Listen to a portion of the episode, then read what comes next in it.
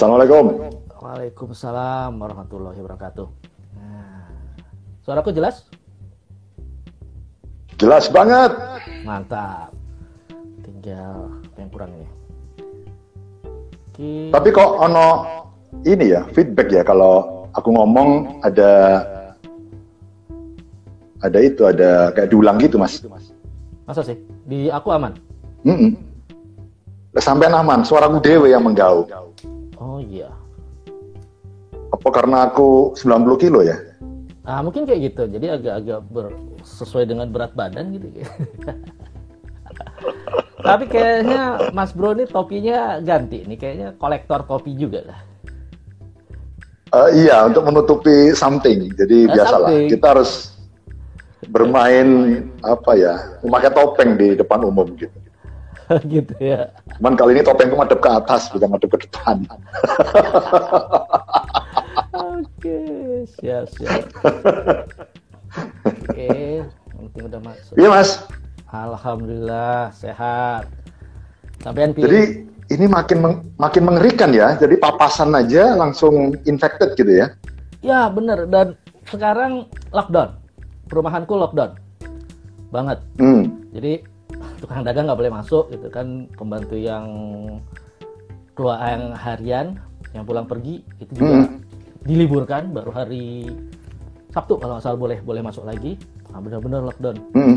terus semua semua apa namanya rumah sakit daerah sekarang penuh seperti itu yang bikin sedih sih tadi pagi soalnya mas bro pada saat buka WA gitu kan Hmm. pagi WA grup hampir semua kalau mau dihiperbolakan gitu itu ngomongin isinya adalah satu bela sungkawa dua statusnya adalah lagi antri di IGD, eh, IGD. Nah, itu. Itu yang yang sangat nyesek banget karena rasanya tiap minggu ada aja sebuah nama yang Hmm. muncul karena meninggal. Itu yang nyesek banget. ya, Terus yang nyesek yang kedua di kota-kota besar eh, apa ya ketat.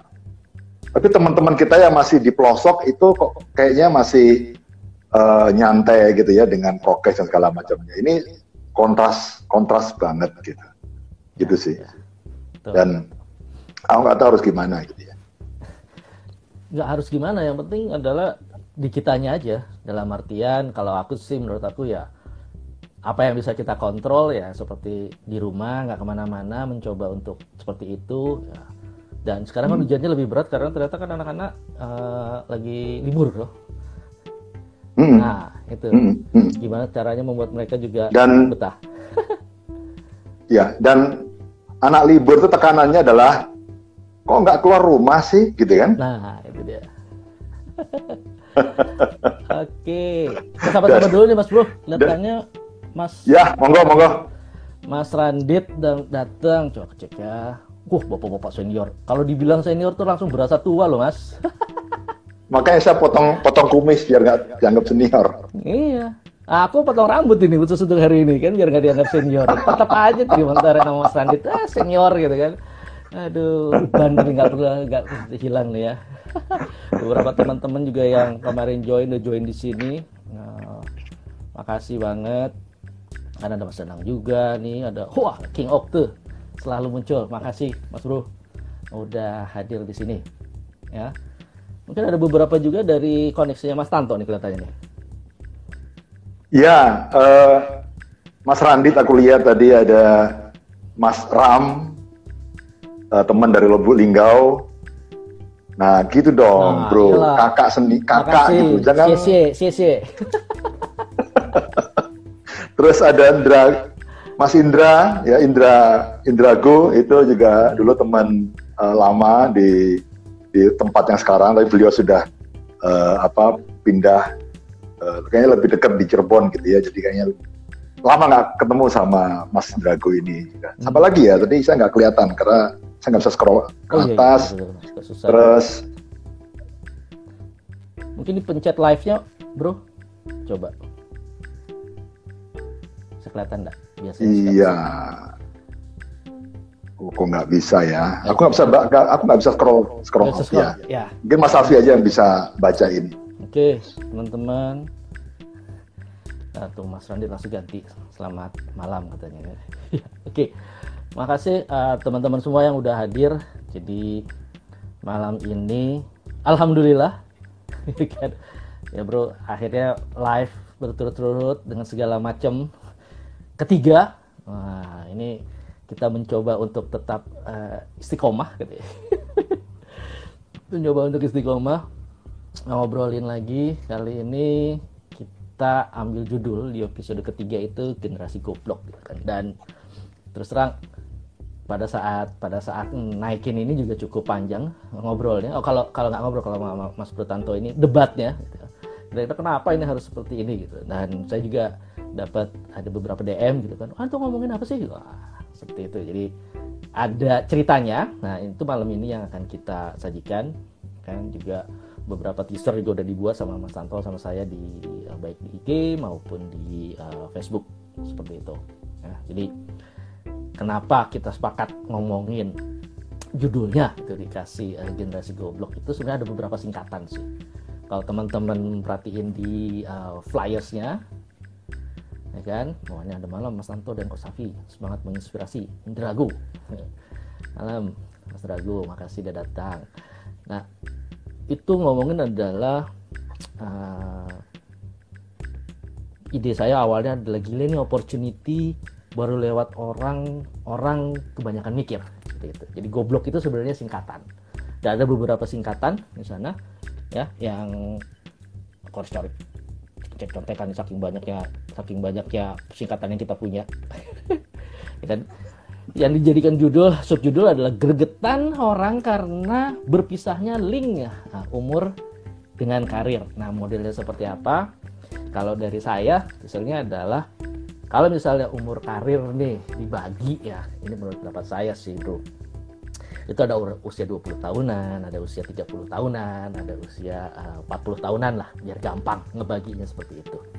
Dan pengalaman yang saya rasakan sendiri dan apa yang saya lihat adalah itu macam-macam. Karena 20 tahunan saya cerita juga IG itu adalah itu orang-orang baru pada ini kan ya baru pada lulus. Baru pada lulus terus mereka juga siap-siap ya, masuk kerja dunia kerja seperti itu dan itulah persiapannya di mana mungkin pertama kali kerja masih ada selesai ya, intern seperti itu. Mereka lagi seneng-senengnya lagi euforianya terima gaji. Aku inget dulu tiba-tiba ada lima orang datang di Riau gitu kan dengan segala macam peralatan yang dibawa gitu kan. ternyata jadi teman seangkatanku gitu kan dan rata-rata oh baru kali pertama kerja ya. Nah itu lagi bener-bener uh, belajar segala macam lah jibaku di situ. Belajar tentang kerja mengimplementasikan uh, ilmunya. Kalau ditanya uh, recruiter misalnya apa tujuannya bekerja? Mencari pengalaman gitu.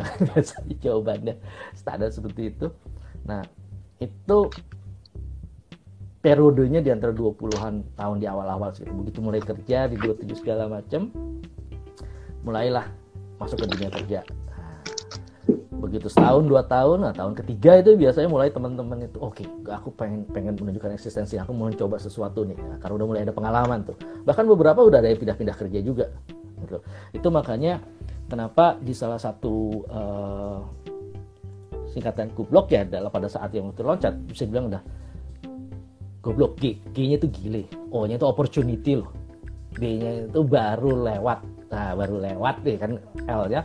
O-nya lah orang-orang kayaknya kebanyakan mikir. Artinya apa? Pada zaman itu banyak yang mikir ah, nanti gimana nanti gimana. Nah, kalau menurut pendapat saya sih pada saat itu justru saya lihat juga pengalaman kalau minggu lalu adalah dipecat tuh karena, pengen nikah gitu kan itu pada umur-umur segitu sih di bawah 30 pada saat itu. Nah lalu yang saya perhatikan 30 sampai 40 itu bener-bener lagi topnya performance. Sekarang makin cepat lagi aku pernah dapat country leader impor itu begitu mendarat di Indonesia umurnya tuh belum belum 35 gitu, masih 34an seperti itu dan anak buahnya ya seumuran aku segala macam itu waduh ternyata sekarang makin cepat ya dulu sih eh, di, di level itu umurnya udah mendekati 40 gitu tapi range 30-40 itu sekarang makin cepat makin ke sini makin muda aku teringat dulu gaya katanya jadi regional manager untuk Indonesia Timur gitu kan. Eh sorry, untuk Sumatera, Sumatera Kalimantan. Itu umur-umur sekitar 39-an kayak gitu loh Mas Bro. Tahu yang replace aku umur berapa pada saat itu? Boleh berapa? Minus 10 tahun. Uh, 30 tahun? Yes, nyaris. 29 tepatnya. Itu yang gantian aku pada saat itu. Jadi, uh, muda banget gitu kan. Nah, ternyata makin ke sini juga kecepatannya makin cepet jadi kalau dikelompokkan ya di umur umur 30 40 range-nya itu itu yang justru lagi lagi mejehna gitu kalau bahasa Sunda lagi ya. tingginya dan dan ekspektasi juga tinggi. Tadi ada yang nanya juga di Facebook itu maksud karirnya yang uh, besar apa energinya yang besar seperti itu ya. Kalau buat saya dua-duanya itu kesempatannya untuk ngegaspol gitu kan. Selagi pertimbangannya belum sebelum banyak gitu walaupun keluarga mulai ada biasanya tuh anak baru satu atau baru dua gitu itu di usia-usia 30 40 gitu. Nah, masuk ke usia 40 ke atas, pertimbangannya udah banyak ke keluarga. Gitu. Biasanya anak-anak udah mulai sekolah soal itu, udah mulai berseragam, udah mulai ada mm-hmm. hmm, uang bangunan gitu kan begitu masuk SMP masuk SMA gitu. nah, itu di usia-usia segitu udah mulai mulai ada distraction seperti itu dan rata-rata uh, udah mature artinya dia udah pada posisi yang uh, idealnya dia bisa raih tinggi di, di dalam karirnya di usia 40 ke atas segala macam. Nah, itu yang yang menurut saya idealnya kalau ngelihat siklus, nah karena Bro Tanto ini ngomongnya siklus gitu, ada siklus kehidupan, ada siklus karir gitu. Kalau saya lihat siklusnya seperti itu, di 20 itu lagi mulai gitu ya, coba-coba segala macam. 30 eksistensi itu mulai diperhitungkan akunya pengen lihat kelihatan pengen menghasilkan karya yang besar itu di usia-usia segitu. Dan energinya lagi gede-gedenya gitu.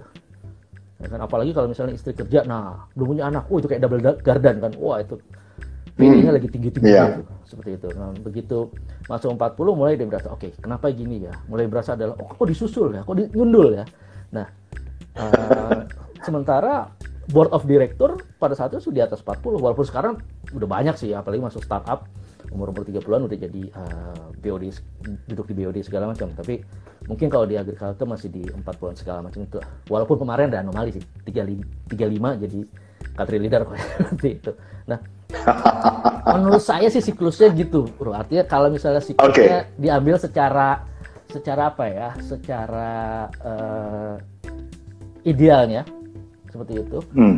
dan hmm. buat saya gobloknya itu adalah lebih ke bahwasanya gila loh opportunity baru banyak lewat orang-orang kebanyakan mikir kalau seperti itu jadi hmm. akhirnya kebanyakan mikir nggak nggak keambil gitu lah nah itu sih terbahan terbahanku ya kalau Mas Bro sendiri gimana ya ya oke okay. Mas um, sampai ingat nggak uh, kita belum bilang assalamualaikum dan oh, iya, iya. malam buat teman-teman Kualat awakmu karo para pemirsa di gini. Iya.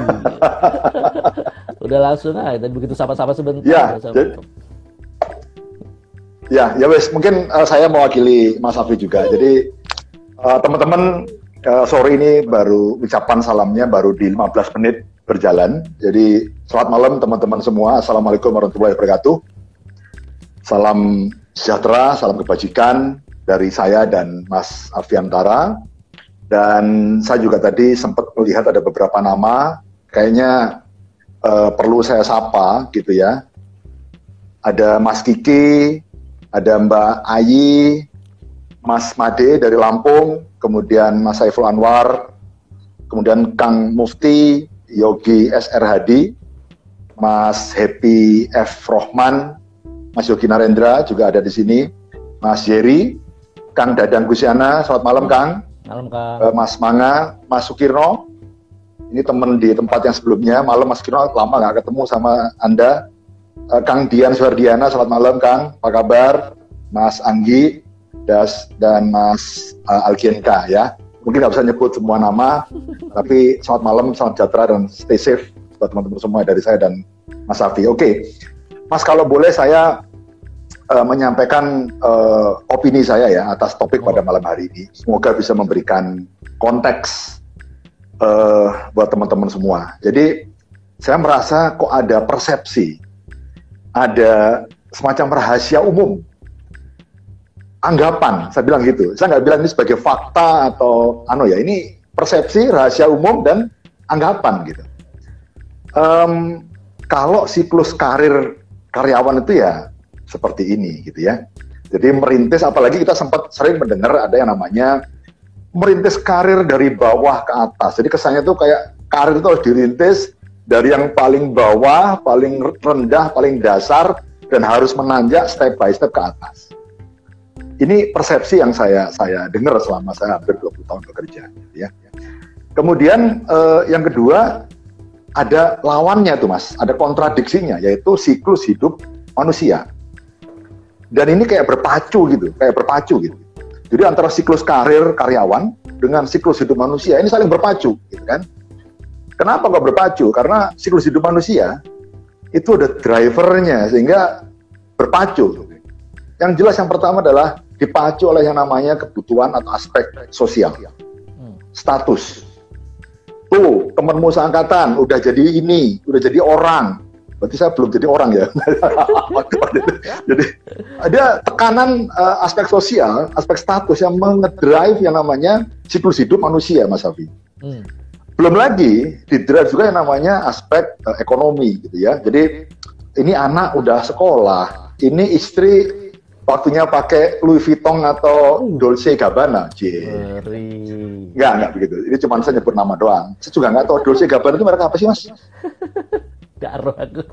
Tapi yang jelas ada tekanan aspek ekonomi lah dalam siklus hidup manusia. Itu yang membuat siklus hidup manusia itu menjadi berkoalisi, eh bukan berkoalisi, berkontraksi dengan namanya siklus karyawan.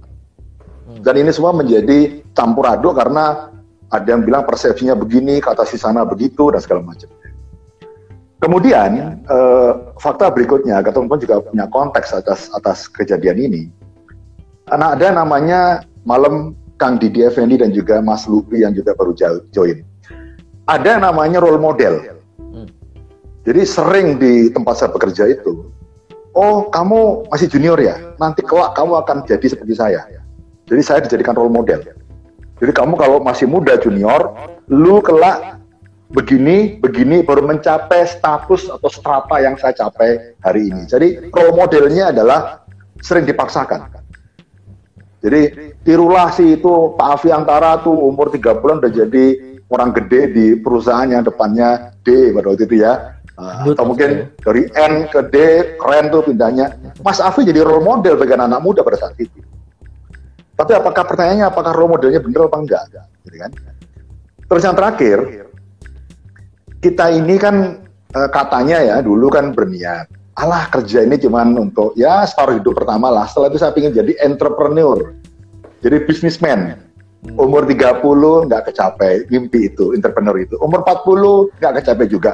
50 mau pensiun masih juga belum jadi entrepreneur. Jadi kita ini adalah kaum gajian permanen. Jadi lifetime employee. Jadi kita makin terjebak dengan uh, namanya siklus hidup manusia yang berkontribusi dengan siklus uh, karir karyawan. Malam Kang Hendy, selamat malam, selamat bergabung. Itu Mas Afi. Saya Tapi, pikir uh, apa konteks uh, dari saya ya. Ya, dan, uh, dan konteks cukup menarik sih, uh, Mas Bro. Artinya dikaitkan antara siklus hidup dengan siklus karir seperti itu. Dan beberapa tadi hmm. saya dengar juga ada ada kontradiktif yang terjadi di sana. Sebenarnya di bagian mana sih, Bro? Kalau misalnya kita compare antara siklus hidupnya dengan siklus karir, kalau menurut jenengan? Ya, um, saya saya nggak tahu ya. Mungkin ini saya punya opini yang berbeda dengan Mas Safi. Tapi saya pikir eh, kita biasalah berdebat kusir beradu argumen di forum ini gitu ya. Uh, tapi saya tidak setuju. Saya tidak setuju kalau yang namanya siklus hidup manusia itu dikait-kaitkan dengan namanya siklus karir karyawan mas. Saya nggak setuju. Gitu. Karena apa? Karena siklus hidup manusia itu bias mas, bias banget, banyak variasinya. Jadi e, contoh lah ya, ada yang namanya as, pengaruh aspek lingkungan. Coba Mas Afi bayangkan, sama-sama karyawan yang berkantor di Mega Kuningan, Jakarta. Yang satu berasal dari lingkungan rumahnya di Sukabumi paling selatan. Hmm. Satu lagi dari keluarga yang asalnya adalah tinggal di apartemen di bilangan Jakarta Barat. Kira-kira siklus hidup manusia antara dua karyawan itu sama apa enggak? Enggak sama kan? Hmm. Padahal mereka kerja di satu kantor yang sama loh. di Jakarta, ya kan? Itu pasti ada pengaruh lingkungan.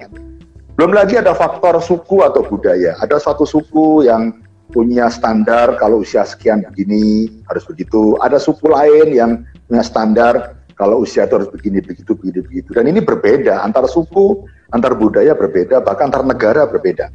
Sekarang Mas Afi dan saya pernah kerja di perusahaan multinasional. Hmm. Ada yang dari Cina, dari India, dari Filipina, dari Amerika, dari Eropa ketemu dalam satu kantor. Terus yang teman-teman dari Eropa punya siklus karir seperti ini katakanlah. Terus kita yang tinggal di negara timur sok-sokan berusaha merefer kepada siklus karir karyawan teman kita yang orang Eropa itu. Wah itu loh orang Eropa itu sukses. Umur sekian sudah begini begitu begini begitu kita berusaha meniru itu padahal kita juga mungkin punya konteks yang berbeda mereka mungkin tidak punya beban untuk menangani orang tua kita punya beban untuk menangani orang tua karena di negara kita ini menjadi something yang harus kita believe yaitu memanage kita orang kita punya orang tua ya kan belum lagi Mas Afi kalau Mas Afi bandingkan siklus hidup generasi X generasi Y generasi Z ini pasti beda-beda jadi siklus hidup manusia ini beda-beda. Sudah beda-beda, lah kok dikait-kaitkan dengan siklus karir karyawan. Itu biasanya di situ. Bias yang kedua, selamat malam Pak Agung. Wah ini Pak Agung ini teman kita Pak Afi. Oh siap. Kenal tau Pak Agung? Wah. Halo Pak Agung. Oke, Terus kemudian yang kedua, yang kedua adalah siklus karir karyawan. Saya kok ngerasa ya, Mas Afi pasti paham lah Malam Pak Arya, waduh Pak Arya oh, Yudas gabung dengan kita. Malam Pak Arya. Mohon tas dongkap Kang. Siklus karir karyawan ini kok saya kesannya menganamaskan generalis. Hmm. Ya, Pak Afi pasti paham lah. Ada karyawan yang generalis sama spesialis. Ini generalis kan memanage berbagai macam fungsi atau departemen atau uh, fungsi yang berbeda-beda. Spesialis kan seperti itu. Siklus karir karyawan ini kayak seperti diarahkan kepada uh, para generalis. Oh, habis jadi individual kontributor, lalu jadi pemimpin subdepartemen, memimpin departemen, menjadi country head, memimpin ASEAN, memimpin Asia Pasifik. Itu kan mazhabnya generalis. Coba bayangkan teman-teman kita yang punya uh, mazhabnya spesialis. Contoh, teman-teman di bagian legal, teman-teman R&D yang bagian breeding, ya kan? Breeding benih jagung misalnya, atau yang sangat ahli memanage uh, suatu insecticide misalnya atau uh, orang-orang IT yang programmer itu kan spesialis. Apakah mereka dipaksakan, oh lu kalau belum memimpin departemenmu, kamu gagal, siklus karirmu gagal. Padahal mereka spesialis loh. Jadi siklus karir ini kayaknya terlalu dipaksakan untuk uh, apa namanya uh, apa memfasilitasi para generalis. Spesialisnya general uh, apa namanya yang kelompok spesialis terpaksa diinurkan. Jadi makanya saya tegas saya nggak setuju kalau seandainya siklus hidup manusia itu dikait-kaitkan dengan uh, sik, uh, siklus karir karyawan. Karir nggak ada hubungannya, banyak biasnya. Banyak biasnya ya. Ada banyak risiko, tapi kayaknya saya udah kebanyakan ngomong. Saya aus, ya, Mas Hafi aja yang gantian ngomong. Gitu ya. Yang jelas saya punya alasan kenapa kok ada resikonya kalau sampai orang mengait-kaitkan karir dengan siklus hidup itu ada risikonya. Tapi saya jelasin nanti aja. Monggo Mas Afi yang tanggapin. Oke kalau saya kali ini kayaknya uh, punya sedikit perbedaan dalam artian siklus hidup itu berkaitan sama karir secara apa yang aku alami dan perhatikan itu ada hubungannya sih seperti itu. Misalnya kayak tadi Mas Sato bilang misalnya oh ini masih udah lulus. Lei kok masih ada di di rumah aja seperti itu kan. Cepat kerja seperti itu. Itu juga sesuatu. Itu kadang-kadang membuat jadi drivers buat dia adalah yang yang penting aku gawe. Diterima dulu gitu kan. CV sebar ke mana-mana nggak sesuai dengan uh, apa namanya pendidikan dia satu nggak apa-apa ya seperti masuk dulu seperti itu. Itu juga jadi jadi driver pada umur-umur segitu gitu kebayang kan umur-umur 30-an yang sebelum belum kerja tetap segala macam itu ada pressure yang lain gitu. Ya walaupun mungkin antara antara kita dengan yang luar negeri kalau tadi Mas Bro uh, contohin bisa beda. Tapi tetap tetap ada ada menurut aku sih ada uh, pengaruhnya ya kalau seperti itu. Makanya seperti tadi awal dibilang tuh sebelum tadi sempat assalamualaikum kan.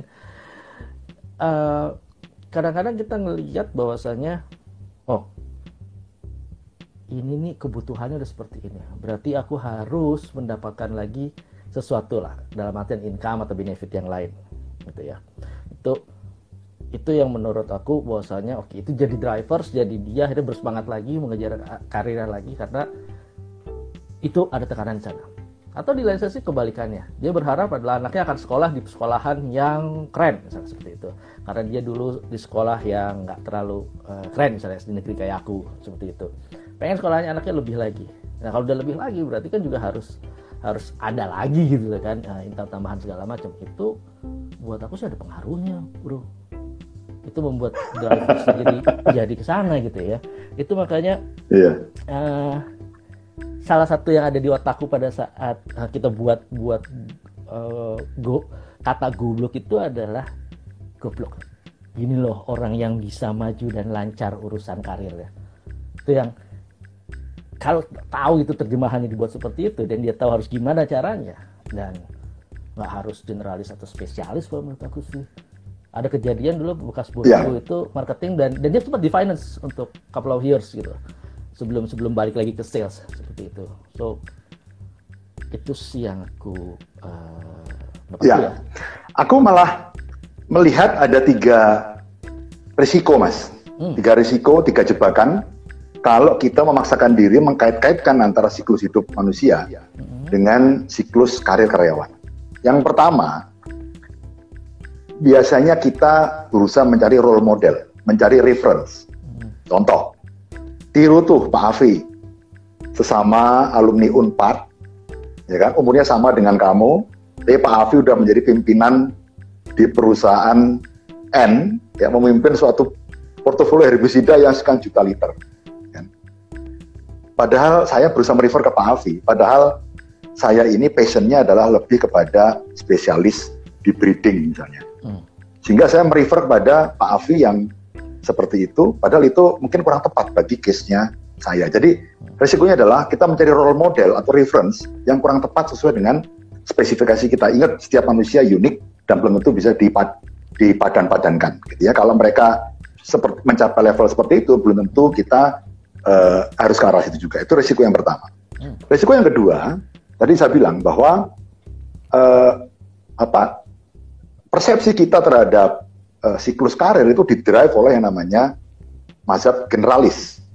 Memimpin makin tinggi makin tinggi, bisnis makin gede, uh, orang tim makin banyak gitu ya. Sementara teman-teman yang uh, sebenarnya sangat hebat sebagai spesialis ini menjadi terignore dengan adanya uh, apa siklus karyawan yang kadung disetel di setting seperti ini. Itu resiko kedua. Resiko ketiga, Mas Hafi mungkin sering dengar uh, kalau lagi uh, apa namanya one on one dengan supervisor. Ya kita ngobrolin personal development nih personal development. Mungkin kita sering lah mendengar pertanyaan kira-kira kamu tiga tahun lagi lima tahun lagi mau jadi apa? Gitu ya mas ya? Gitu ya. Nah um, biasanya itu si supervisor atau si leadernya akan ngomong oh kamu itu pasnya nanti jadi kayak saya atau jadi manajer yang di situ jadi direktur yang di sana segala macam segala macam ya kan? Kenapa? Karena kadung di leadernya atau supervisor kadung men-setting sesuai dengan uh, karir siklus karir karyawan gitu. Padahal harusnya people uh, personal development itu harusnya didrive oleh dua aspek. Hmm. Yang pertama kita passionnya di mana? Terus yang kedua kita strengthnya di mana? Bukan terhadap role model reference pada orang lain. Kan? Kalau strength kita adalah sebagai spesialis pengelola sosial media kita sangat uh, hebat di situ harus sebagai desainer atau sebagai uh, apa ya jangan dipaksakan role model sesuai dengan siklus karyawan siklus karir yang disetting oleh si pimpinan saya melihat ada tiga risiko kalau kita ya tapi ini diskusi antar kita eh, nggak uh, ada nggak ada yang salah nggak ada yang benar ini adalah ilmu sosial tinggal, tinggal tergantung di sudut pandang mana kita membahas topik ini mungkin gitu Mas Afi ya ada, ada bagian yang menarik pada saat uh, tiga risiko kalau kita. Ya tapi ini diskusi antar kita uh, nggak ada nggak ada yang salah nggak ada yang benar. Ini adalah ilmu sosial tinggal tinggal tergantung di sudut pandang mana kita membahas topik ini. Mungkin gitu Mas Afi. Ya ada, ada bagian yang menarik pada saat uh, Tanto bilang resiko yang kedua dari ada, ada role model segala macam seperti itu.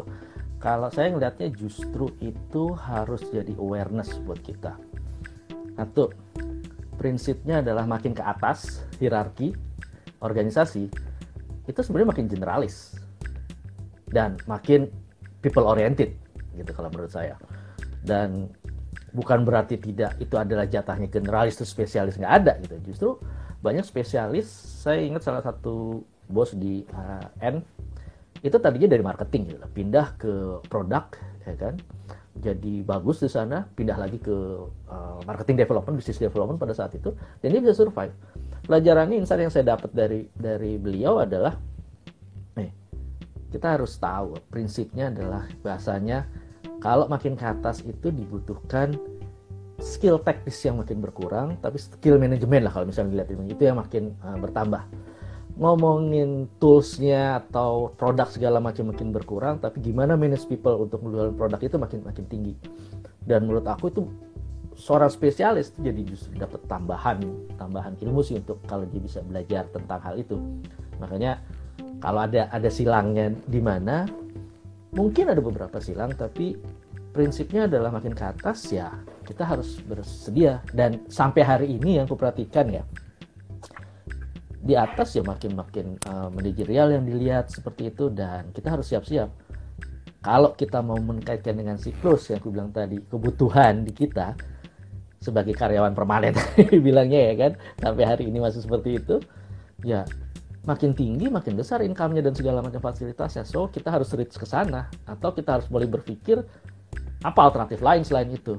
Karena buat saya drive-nya adalah di rumah. Kebutuhan kebutuhannya apa? Seperti itu. Dan saya pengennya seperti apa? Bisa diakomodir atau enggak? Buat aku begitu sih uh, bro. Jadi ya ya. enggak enggak enggak mas enggak, kalau boleh aku naik ya. Mas kalau boleh aku mau nanya mas. Hmm. Oh ini malam mas Nanang Koizumi Wih. waduh teman lama di perusahaan S zaman dulu selamat bergabung mas Nanang uh, mas Safi aku mau nanya nih sama mas Safi um, kan banyak ya di antara kita ini yang mungkin sudah di usia uh, senior, sudah di usia paruh baya gitu kan. Terus, Terus kemudian soalnya bilang kita senior. Lu kali. Lu bukan kita. ya lah baiklah. Gini. Nah, mungkin di usia senior atau paruh baya gitu ya. Terus kemudian di industri ini banyak muncul generasi-generasi muda. Anak-anak muda yang lebih junior, yang mungkin dengan skill yang lebih hebat, dengan gelar S2, S3, tiba-tiba merangsek masuk ke industri ini, uh, dan punya promosi karir yang lebih cepat daripada kita yang usia paruh baya ini. Ada tips, trik, saran nggak dari Mas Afi menghadapi situasi ini? Kalau saya sebagai orang yang merasa agak quote and quote terancam dengan anak-anak muda yang junior dan karirnya lebih meroket daripada saya. Ngomong Inggrisnya lebih castisus dan Inggrisnya tidak medok Jawa kayak saya gitu. Mas Afi gimana sarannya? Ini pertanyaan apa curhatan tah?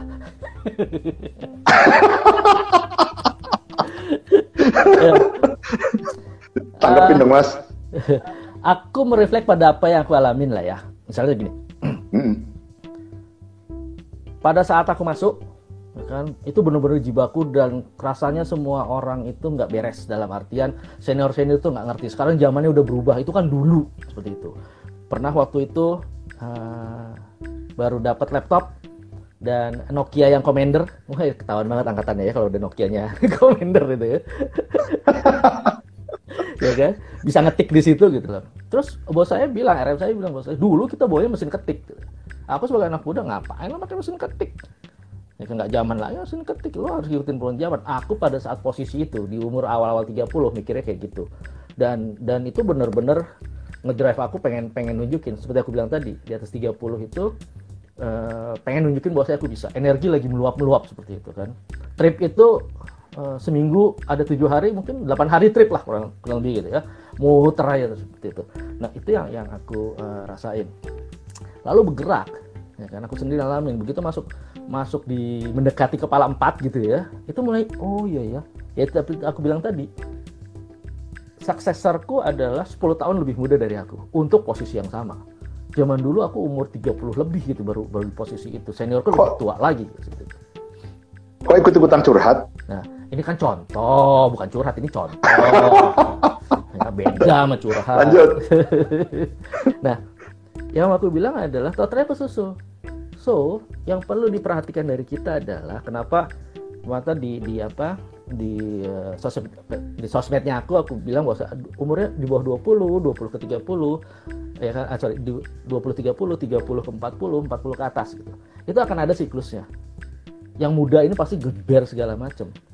Ya, kalau kita ingat-ingat lah, kalau misalnya kita lagi dikomplain sama anak milenial, milenial sih payah nih, nggak bisa nih, nggak ada sopan santun segala macam. Ingat dulu zaman kita pertama kali masuk, apa nggak kurang ajar kayak mereka? Kalau aku sih yes, sama kayak Mas Anang. Ya. Tapi pastikan juga apa yang dirasakan orang tua itu, para senior, pada saat aku ngomong seenaknya seperti itu, pada saat aku mulai mulai di ujung di ujung karir gitu kan, di usia 40-an, oh iya ya, mm-hmm. kurang ajar, kok kayak gini ya. Tapi ya that's what we felt gitu, apa yang aku aku rasain. Jadi buat aku bukan masalah uh, bisa enggaknya atau karir enggak, tapi kita mesti tahu loh itu memang siklus ya balik lagi ke siklusnya tadi kalau di era-era zaman-zaman itu itu akan kayak gitu nanti kalau udah pensiun mungkin ada lagi post power syndrome hmm. gitu kan itu ada, ada lagi ya menurut, menurut aku itu ya kan? jadi Iya, iya. Uh, itu yang yang menurut aku justru tipsnya kalau aku satu yang sering aku uh, bahas kenali diri dan lingkungan. Nah yang barusan aku cerita itu lingkungan itu lingkungannya akan kayak gitu dan akan terus berputar seperti itu. Makanya setiap generasi akan ada seperti hanya beda aja namanya X, Y, millennials. Tapi kalau kita perhatikan ada. Dan dan seniornya itu selalu merasa terganggu sama juniornya. Itu sunatullah kalau menurut aku begitu. Dulu waktu X para ya. baby boomers kurang ajar anak-anak ini nih. Mentang-mentang sekolah tinggi begitulah ya. Gitu deh. Segala macam teorinya nah. Sekarang suruh baca buku anak-anak mana mau, mending googling pak gitu, kalau anakku sih bilangnya. Kalau aku kayak gitu sih, uh, bro. Tapi Nggak tahu kalau kalau yeah. sampean kan merasa milenial nih kalau sampean nih agak-agak beda sama aku kan. ah nyindir lu. Kita bedanya nggak jauh. Tapi gini mas, kalau aku ya, hmm.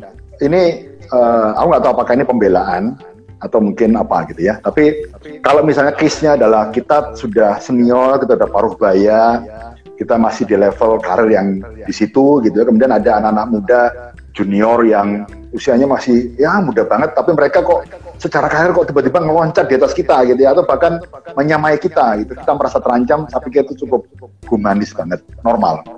Tapi uh, message saya ya buat orang-orang senior paruh baya kayak saya dan Mas Alfi begini saya pikir ada beberapa hal yang diperhatiin. Mungkin mungkin anak-anak muda yang junior-junior itu yang hebat-hebat itu mungkin mereka secara knowledge mumpuni. Mungkin secara gelar status S2 dari Oxford, mungkin uh, eh, MBA dari mana gitu ya masuk Indonesia dan jadi pimpinan di perusahaan pestisida mana gitu ya. Mungkin mereka secara status gelar knowledge hebat. Tapi ingat bahwa karyawan itu nggak cuma di drive oleh namanya knowledge dan status, tapi skill, keterampilan ini juga sangat kritikal. Dan belum tentu anak-anak muda itu punya skill yang uh, apa sama dengan kita yang sudah senior. Karena skillnya harus di tidak hanya dipelajari dan dibaca, tapi juga harus dilatih dan itu improve uh, across the time gitu ya. Dan kalaupun wah mereka sangat paham dunia pestisida pak, mungkin skillnya uh, hard skillnya hebat, kayak technical functional skillnya hebat. Tapi ingat ada juga soft skillnya mereka juga lag. Atau kalau mereka unggul di soft skill, jangan-jangan mereka caranya nyemprot ngeracik pestisida aja nggak ngerti. Jadi ya uh, belum tentu mereka lebih hebat daripada kita. Kemudian kompetensi. Kompetensi adalah lebih mengenai how atau uh, motivasi kenapa ke orang perform atau nggak perform. Bisa jadi mungkin uh, kompetensi mereka tidak sedalam kita yang sudah makan banyak asam garam di industri ini ya. Uh, ini juga perlu diperhatikan dan juga satu tips terakhir adalah mungkin Mas Hafi merasakan makin kita tua kita makin berpikir komprehensif aspek ini dipikirin, aspek ini dipikirin, aspek ini dipikirin, aspek ini dipikirin. Sementara kalau anak-anak muda itu cenderung untuk shortcut, instant thread, begini ya. Sementara kita komprehensif. Gak semua instan itu bagus loh. Kadang-kadang juga perlu berpikir yang komprehensif agar kita bisa meminimize uh, risk di di bisnis. Jadi message dari saya jangan keder, jangan baper kalau ada anak-anak muda yang tiba-tiba menyalip dirimu kalau kamu sudah mungkin dianggap terlalu tua. Uh, ingat untuk mencari loophole, celah atau lubang sehingga kita bisa memberikan value added yang nggak bisa dikasih oleh anak-anak muda yang junior itu. Mungkin itu sih mas kalau dari aku sih. Ya, singkatnya aku punya satu kata sih, jangan baper. Baper, nah bukan kalau jangan baper dua kata ya, baper. Kadang-kadang kita jadi senior, mau dibilang tua gitu kan, itu baperan banget. Gitu. Itu, itu itu intinya. Dan makanya kenapa saya bilang tips dari saya kenali lingkungannya adalah kita mesti tahu pada usia segitu ekspektasinya seperti apa dan orang melihat kita itu kayak gimana gitu. Misalnya kalau tadi uh, Mas Bro Anton sempat bilang, oke okay, di usia senior tapi masih masih tetap di field seperti itu. Oke, okay, apa nilai lebih yang bisa kita jual gitu?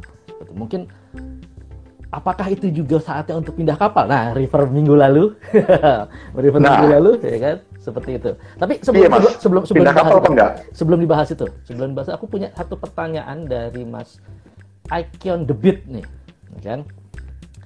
Pertanyaannya seberapa penting apresiasi direct leader terhadap timnya?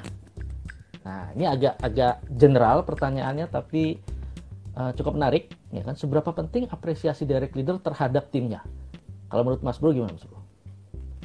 Wah, ya penting banget. Uh, apresiasi itu tidak hanya duit, tapi juga ditampilkan di depan umum, dipamerkan ke mancanegara, dikasih kesempatan ikut training di mana, dikasih tanggung jawab project yang gede-gede ini adalah apresiasi. Jadi apresiasi tidak sekedar jempol, duit dan segala macam. Dan saya pikir itu matters banget Mas Afi.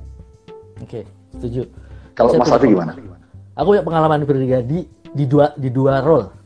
Pertama jadi anak muda yang dicemplungin, ya kan? Pokoknya nggak ngasihnya itu udah kayak delegasi bahkan ya udah punya kerjaan aja, kerjain aja. Kerja. Kamu tanya sama sana, kamu udah tahu tanya sana, kerjain. Itu benar-benar nyari sendiri dan sepanjang jalan ngerjainnya itu, itu maki-maki sih om gimana sekali hmm. bos ini maunya enak aja pengen bersih segala macam zaman aku muda tuh umur 30-an begitu aku punya coach ya kan punya punya bukan aku anak anak anak anak uh, anak buah lah kalau itu yang supporting aku I did it the same I did it the same exactly the same dan aku tahu kalau dia maki-maki aku di belakang aku tapi yang aku rasakan adalah pada saat ngejalanin aku maki-maki tapi setelah lima tahun dan aku pegang role yang lebih tinggi, mau masuk jajaran leader seperti itu, itu aku baru sadar, oh itu sebenarnya memaksa. Jadi kalau ada yang uh, leader kesel sama kita tuh kata jorokin kita, nyusahin kita, itu sebenarnya kesempatan belajar loh, jarang-jarang. Jadi jangan baper, positive thinking aja, karena kalau nggak dibutuhin di situ, nah mungkin dibutuhin tempat lain. Nah, baru lari ke pertanyaan sampean tadi itu. Wih, malam Bang Rosman. Ini nih senior saya juga.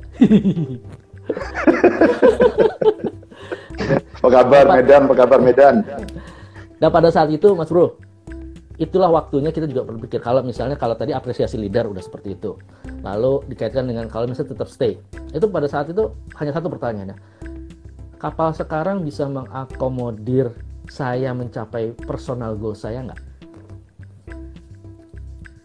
Saya setuju itu itu pertanyaan yang yang yang harus kita jawab masing-masing karena bisa beda-beda dengan standarnya masing-masing, dengan kemampuannya, dengan resiko yang berani diambilnya, juga perhitungan-perhitungannya sendiri. Gitu. Makanya saya bilang tadi uh, di goblok itu adalah gile opportunity baru lewat orang-orang kebanyakan mikir seperti itu. Karena buat aku, oh ada satu dan itu lumrah. Kenapa?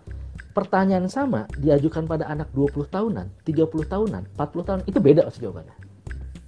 Jadi kalau menurut aku pertanyaan tadi pindah kapal apa enggak balik lagi apakah kapal sekarang bisa nah, membawa kita mencapai personal goals kita kalau itu dari aku om kalau om gimana om mas bro oh. iya aku aku sepakat karena um, apakah kapal yang kita sekarang tempati kantor perusahaan yang kita tempati sekarang bisa memenuhi nggak uh, personal goal hmm. apa tadi personal goal ya mas ya ya personal goal kalau bahasa aku ya dan personal goal itu nggak cuma masalah duit, gaji, salary loh mas.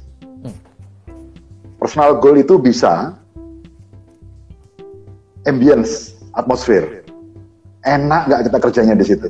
Ya kan? Matching nggak kita satu frekuensi nggak dengan departemen kita kerja atau kantor kita kerja?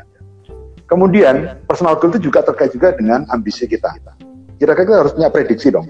Um, tempat kerja kita itu kira-kira tiga tahun lagi, lima tahun lagi masih matching nggak dengan uh, profile kita. Ya, jadi kita punya future nggak di sini? Itu juga personal goal juga. Belum lagi aspek-aspek yang nggak bisa dinilai dengan uh, rupiah, misalnya seperti uh, tidak jauh dengan orang tua, tidak jauh dengan keluarga, punya banyak me time hmm. dengan keluarga, ini juga penting juga. Me time bukan sekedar sepedaan sendiri ke mana-mana ya, tapi me time maksudnya dengan keluarga dan sebagainya. Saya pikir saya lain dengan Mas Afi cuma memberikan beberapa perspektif aja terkait dengan personal goals. Ya, ya. Uh, di bagian itu memang memang sangat personal. Jadi kalau untuk beberapa teman-teman yang kemarin masih nanya tuh kan karena judulnya adalah uh, pindah kapal gitu kan. Kaitkan dengan dengan personal goals itu. Nah, kayaknya ada yang nanya lagi sebentar Bro ya, aku bacain ya. Dari Mbak De oh, Mas Mbak Devi. Deva Agus ya. Ah, ini Devi kayaknya. Oh, Bu Devi, Bu Devi, apa kabar Bu Devi malam? Ah, kan, malam loh. Oke, aku bacain ya. Per profesional dan personal goals yang sejalan adalah kunci. Oh, well said, Coach Safi dan Tanto. Oh, satu. Alright. Emphasize saja. Makasih uh, Mbak Devi buat uh, emphasize-nya. Dan uh, tadi aku mau cerita bahwasannya itu benar-benar uh, kalau Mas Tanto tadi bilang benchmark, benchmarknya adalah role model. Ada orang seperti itu kalau aku sekarang lebih cenderung coba sharingnya adalah di usia in average, eh, in average jadi rata-rata ya, karena ada kan ada anomali seperti tadi udah udah, udah jadi level regional uh, di umur 30 kurang seperti itu. Tapi secara umum, nah lagi kita ngomong general, secara general itu siklusnya akan seperti itu baik kekuatan fisik kita, kemampuan kita ngedrive-nya juga. Makanya minggu lalu saya bilang kalau bisa sebelum nikah atau baru-baru nikah, umur-umur di bawah 30 segala macam itu saatnya di industri ini harus ke keluar Jawa seperti itu. Kenapa? Karena perhitungan anak sekolah masih sekolah TK gitu seperti belum belum harus SD apa segala macam itu yang yang uh, pas menurut menurut saya. Kalau misalnya itu bukan putra daerah seperti itu karena ada beberapa juga teman yang putra daerah malah nggak mau keluar tuh saya nggak mau ke Jawa saya di sini aja tapi Baik lagi itu adalah anomali. Kenali lingkungan adalah itu siklusnya seperti itu. Gitu. Lalu kedua, kalau yang tadi pembahasannya, kalau yang udah senior, ah ini bahasanya nggak enak banget pakai senior gitu ya. Tapi kalau misalnya dia masih posisi sama, misalnya tadi, oke ini saatnya pindah kapal apa enggak? Pertanyaan tadi. Yang kedua, yang sering terdengar gitu kan di sini sama teman-teman, ini saatnya buka bisnis nggak? dan banyak teman-teman kita yang bisnis cuma nanam duit didiemin aja berharap akan kembali dan berkembang gitu kan nah kalau harus ada nah mungkin kapan-kapan kita undang yang memang praktisi langsung karena saya ngalamin di dua tahun lalu pada saat setelah selesai dari perusahaan merger yang terakhir sempat buka usaha sendiri itu mindsetnya beda banget benar dari karyawan yang gaji permanen terjun by project jadi freelance itu beda banget. Pressure-nya beda. Dan itu nggak bisa dilukiskan dengan kata-kata lu mau baca buku berapa banyak pun setebel-tebel gaban gitu kan. Kiyosaki yang ada serinya nih segini reading is reading gitu tapi begitu ngejalanin sendiri oh kebayang pressure-nya ditanyain ini uh, bulan ini mau bisa transfer berapa satu kebayang ngejar-ngejar ngejar-ngejar uh, corporate untuk nagih gitu kan. Itu mungkin hanya biaya bensin kita klaim sebulan kalau zaman-zaman masih di corporate. Itu mindsetnya kerasa itu. Dan pada saat kita meniti, oh kalau gitu dua kaki, hati-hati brothers, dua kaki itu. Karena apa? Waktu hanya 24 jam. Kita masih harus menunjukkan performance kinerja di tempat kita kerja. Kita juga harus mempersiapkan. Itu energinya gede. Kalaulah itu. Nah ini dikaitkan dengan siklus yang tadi aku bilang dimulai di umur-umur seperti aku iku lumayan itu lumayan itu kerosone gitu ya, ya kan? nah tapi kalau misalnya di umur-umur masih muda itu bisa jadi bisa jadi sesuatu gitu sih kalau kalau menurut aku sih dikaitkan antara yang mau pindah pindah kapal atau buat kapal sendiri gitu kan dengan siklus tadi gitu ya. sih kalau aku ya ya Ya, dan um, saya kalau boleh menyitir ya, menyitir. Kebetulan malam ini ada uh, pemirsa yang saya pikir spesial, Ibu Devi. Dan statement beliau saya pikir saya mau sitir ulang, karena penting banget. Jadi kalau kita punya personal goal, sama kita punya professional goal, ini harus align gitu ya. Apakah kita mau mengkonek-konekkan antara siklus karir dengan siklus hidup.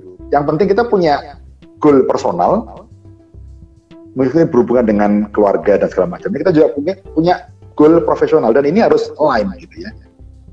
Karena kita harus berpikir sehebat-hebatnya profesional goal kita, kalau personal goal kita nggak kecapai, nanti kalau udah pensiun, anakmu, istrimu, kita hidup dengan mereka loh. Bener nggak sih? Kita sehebat-hebatnya profesional itu kan finish di 55, 56, 57. After that, personal goal kita akan bikin kita kampot sampai masuk ke liang lahat. Jadi personal dan profesional harus connect. Dan saya uh, kenal banyak teman-teman yang kamu pindah ke Medan, pindah keluar Jawa, pegang posisi di Makassar, uh, tidak mau karena bukan di drive karena punya personal goal, tapi karena di apa diintervensi dengan eh, orang-orang uh, di lingkungan uh, keluarga dan segala macam. Beda antara intervensi keluarga dengan personal goal. Jadi yang saya perhatikan selama ini lebih banyak karena tidak mau berkembang merambah keluar Jawa karena pengaruh uh, intervensi ini. Padahal belum tentu personal goalnya seperti itu. Dan uh, uh, mungkin itu Mas Afi, kalau saya boleh okay. emphasize. Ya. Baik, dan dan kelihatannya memang cukup uh, dalam dan berbobot malam ini kayak pembahasannya ya.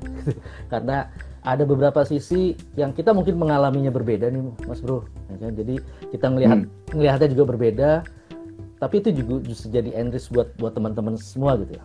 Nah, ini Kang Arya juga komentar nih. Mungkin paradig aku bacain ya. Mungkin paradigmanya sudah sedikit bergeser. Saya lihat tidak sedikit yang hanya ingin berkarir lima tahunan setelahnya jadi business owner, lalu jual perusahaannya setelah masuk visi.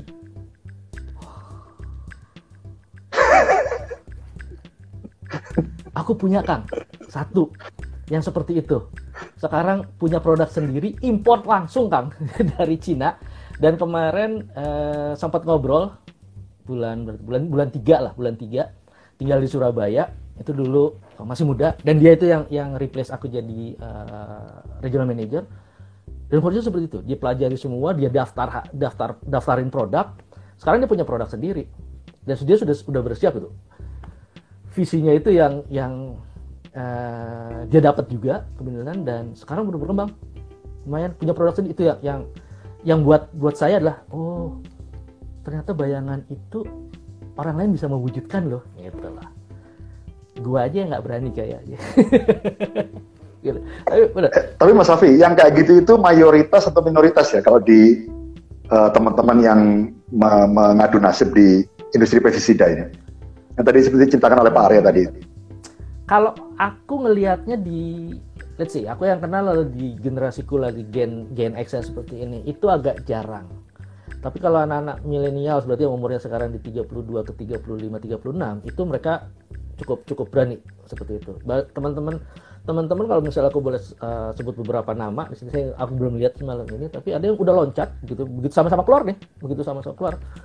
Keluar adalah product manager gitu. sekarang title-nya ada CEO yang dikembangin apa? Yeah. hanya maunya produk gitu Pro produknya apa? Produknya adalah ngukur gimana cara panen udang gitu kan. Ada di jalan mungkin di Kang Harga di sini. Itu untuk ngerjain itu seperti itu Lalu ada juga seniorku yang awalnya jualan bunga seperti itu. Dan tadinya tidak berencana untuk jadi entrepreneur seperti itu, tapi kesempatannya ada, ada dan dan dia dia lari. Kalau pertanyaannya apakah itu banyak? Aku melihatnya kalau bicara persentase masih sedikit. Tapi kalau pertanyaannya dibalik nih ngelihatnya, mindsetnya, apakah itu mungkin? Mungkin. Sudah terbukti. Tapi aku belum bisa Tapi Mas Hafiz sepakat nggak? Yang tadi dibilang oleh Pak Arya itu, hmm. itu trennya makin naik. Ya. Zaman kita dulu memulai merintis karir ya, 20-25 tahun yang lalu, itu mayoritas dari teman-teman kita seusia dan sebaya yang di pesisida ini, itu sebagian besar kayaknya kok lebih mengarah gua mau pensiun ah gitu ya, hmm. dan segala macamnya gitu. Tapi makin ke sini, makin ke sini, makin ke sini, generasi Y, generasi Z, itu kok persentase yang tadi seperti dibilang oleh Pak Arya kok makin tinggi. Gua lima tahun tujuh tahun doang. Suatu gua akan uh, start up my own business. Ya. Kayaknya trennya makin banyak. Artinya apa? Di negara ini ada dua konsekuensi. Di negara ini entrepreneurship, wirausaha makin hari makin muda generasinya makin tinggi. Itu bagus buat ekonomi kita. Tapi buat kita para leader di industri ini atau mungkin di industri lain, makin challenging menemukan talent. Makin challenging memanage talent. Karena talent-talent yang udah bagus-bagus itu, sorry ya Pak, goodbye. Gue mau punya our own personal goal gitu ya. Dan itu challenge. Kayaknya topik ini kayaknya perlu untuk kita uh, capture ya di kemudian hari topik yang yang ini gitu. Kayak makin lama makin susah sih meretain sebuah talent gitu ya, ya seorang ya. talent gitu ya. Nah, mungkin gitu, bisa bisa bisa uh, take note. Aku juga udah take note bahwa saya untuk retain gimana itu mungkin jadi jadi isu juga seperti itu. Nah, mm-hmm. uh, berdasarkan pengalaman kita di dua episode sebelumnya, Mas Bro, ya kan. Uh, aku nggak mau malam ini kita tidak ada closingan. Jadi kita masih yes. punya waktu uh, kurang lebih empat setengah menit lagi, ya kan? monggo yeah. monggo kira-kira uh, apa takeaway-nya atau kesimpulan yang yang dibawa dari Mas Bro Tanton yang mau di-share sama teman-teman monggo aku sorry nggak bisa ngasih summary hmm. karena sejam terakhir ini overloaded dengan banyak hal yang luar biasa hebat Terus para pemirsa yang di sini juga ikut berkontribusi, ngasih ide-ide. Udah aku tulis semua, tapi kalau tak bacain semua tulisanku, habis sampai 4-5 menit ke depan. Jadi aku nggak ada kata-kata lain kecuali sesi malam ini hebat banget kolaborasi kita berdua dan juga kolaborasi dengan pemirsa mungkin nanti kalau udah diintepin dulu summary-nya bisa muncul dalam muncul dalam bentuk tulisan nanti aku tulis di dalam uh, apa namanya komen kolom kolom komentar mungkin itu aja Mas Alfi aku uh, takut dosa kalau nggak sampai mengucapkan Assalamualaikum dan selamat malam. Udah dua kali soalnya. Mas Alfi. Oke, kalau saya singkat aja, artinya akan akan selalu ada anomali dalam segala hal. Seperti itu. Tapi mulailah dari benchmark dari sesuatu yang normal-normal saja. Siklus itulah siklus normal, kondisi ideal. Kita bisa benchmark dari situ. Kalau kita pas di situ berarti mungkin kita on the track. Kalau kita lebih cepat mungkin kita uh, faster doing. Tapi kalau kita lambat mungkin kita harus review ke diri kita sendiri apa yang harus kita lakukan. But stick to your personal goals seperti itu. Triknya hanya ada satu, benar-benar kenali diri personal goals itu apa dan lihat perkembangan lingkungannya seperti apa bahkan seorang Kang Arya juga ngelihat bahwasanya ini udah berubah loh zamannya artinya lingkungan juga kita harus lihat nah atau nuhun nih malah dibantu sama Kang Arya ininya uh, kesimpulannya personal goals chemistry atmosphere of working space nah ini aku snapshot dulu siapa tahu nanti buat kita diskusi nih Bro Tanto ya. Baik. Ini Pak Arya harus jadi narasumber nih yang berikutnya. Iya deh gitu. Baik, terima kasih teman eh, teman-teman semua yang sudah hadir dan memberi masukan. Seperti Mas Bro Tanto bilang malam ini semakin energi membuat kita semakin bersemangat gitu ya karena sudah ada uh, interaksi dari teman-teman semua. Di di saya lihat juga di sosmed sosmednya Bro Tanto ini justru lebih heboh di sana ya kan. Itu justru justru yang kita harapkan dalam artian apa sih masukannya yang kita bisa share seperti itu kalau memang ada teman-teman yang lihat juga oh mungkin harus ajak siapa gitu lah seperti mungkin ini Kang Arya juga kita mungkin bisa bisa uh, diskusikan ya. Hey. baik. Dari saya terima kasih sekali. Mohon maaf